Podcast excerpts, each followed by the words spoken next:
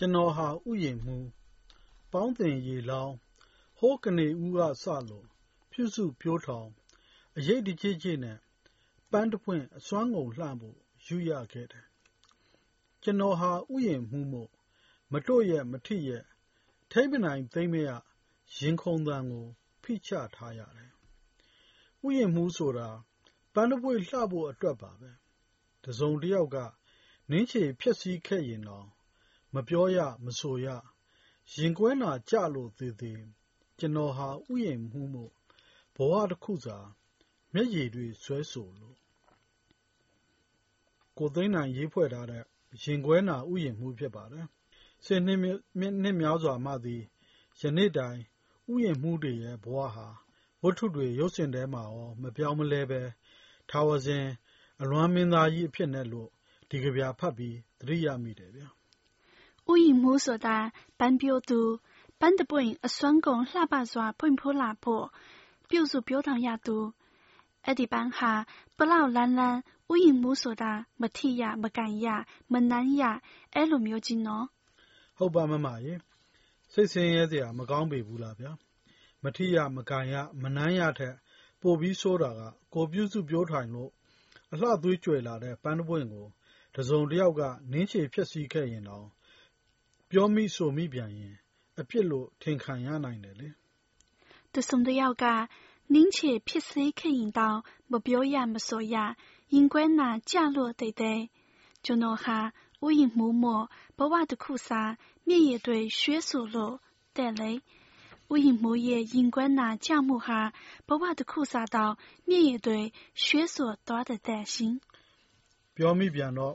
တခြားသူတဦးတယောက်က ပြောတယ်ဆို ခံနိုင်သေးတာပေါ့နော်။တခြားတယောက်မဟုတ်ဘဲ ကိုယ်ပျိုးထောင်ခဲ့သူ ပန်းတပွင့်ကိုယ်တိုင်ကိုက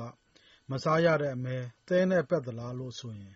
တကယ့်ကို ရင်ခွဲနာကျရမှာပေါ့ဗျာ။ကိုရှင်တန်ကရောဥယျာဉ်မှူးအဖြစ်နဲ့ ရင်ခွဲနာကျခဲ့တဲ့ဇာတ်လမ်းတွေ ရှိခဲ့သေးသလားရှင်။ဒီဘဝမှာတော့ ဥယျာဉ်မှူး မဖြစ်ခဲ့တာ အသေအချာပါပဲဗျာ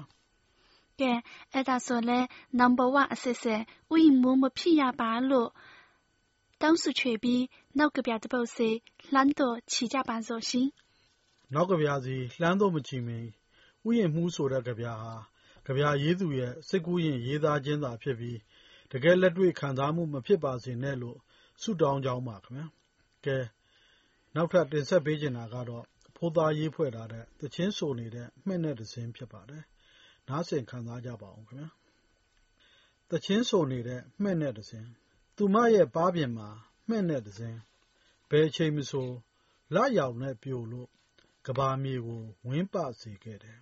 ။အဲ့ဒီမှဲ့နဲ့လေးတစင်းဟာမပြင်းမရိလှပလို့နေတယ်။အဲ့ဒီမှဲ့နဲ့လေးတစင်းဟာချစ်ချင်းမေတ္တာနဲ့ငြိမ်းချမ်းရေးပြေးကျင်ဟာပြေးနေတဲ့နေ့တွေကို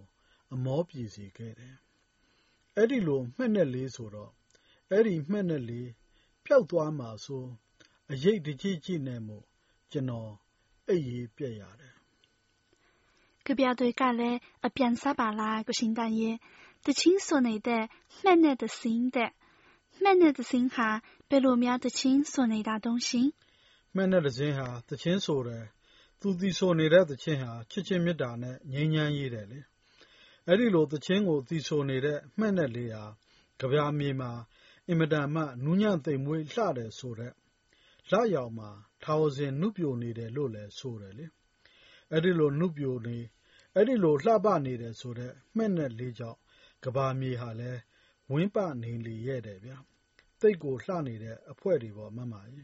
။ဒီကဗျာတပုဒ်လုံးဟာ အလွန်အမင်း တင်စားခြင်းတွေချည်းပဲနော် ပြီးတော့ သတိထားစရာကောင်းလွန်းလှတဲ့ မပီးမရိလှပလွန်းနေတဲ့ဆိုတာမျိုး၊ပြေးချင်ရာပြေးနေတဲ့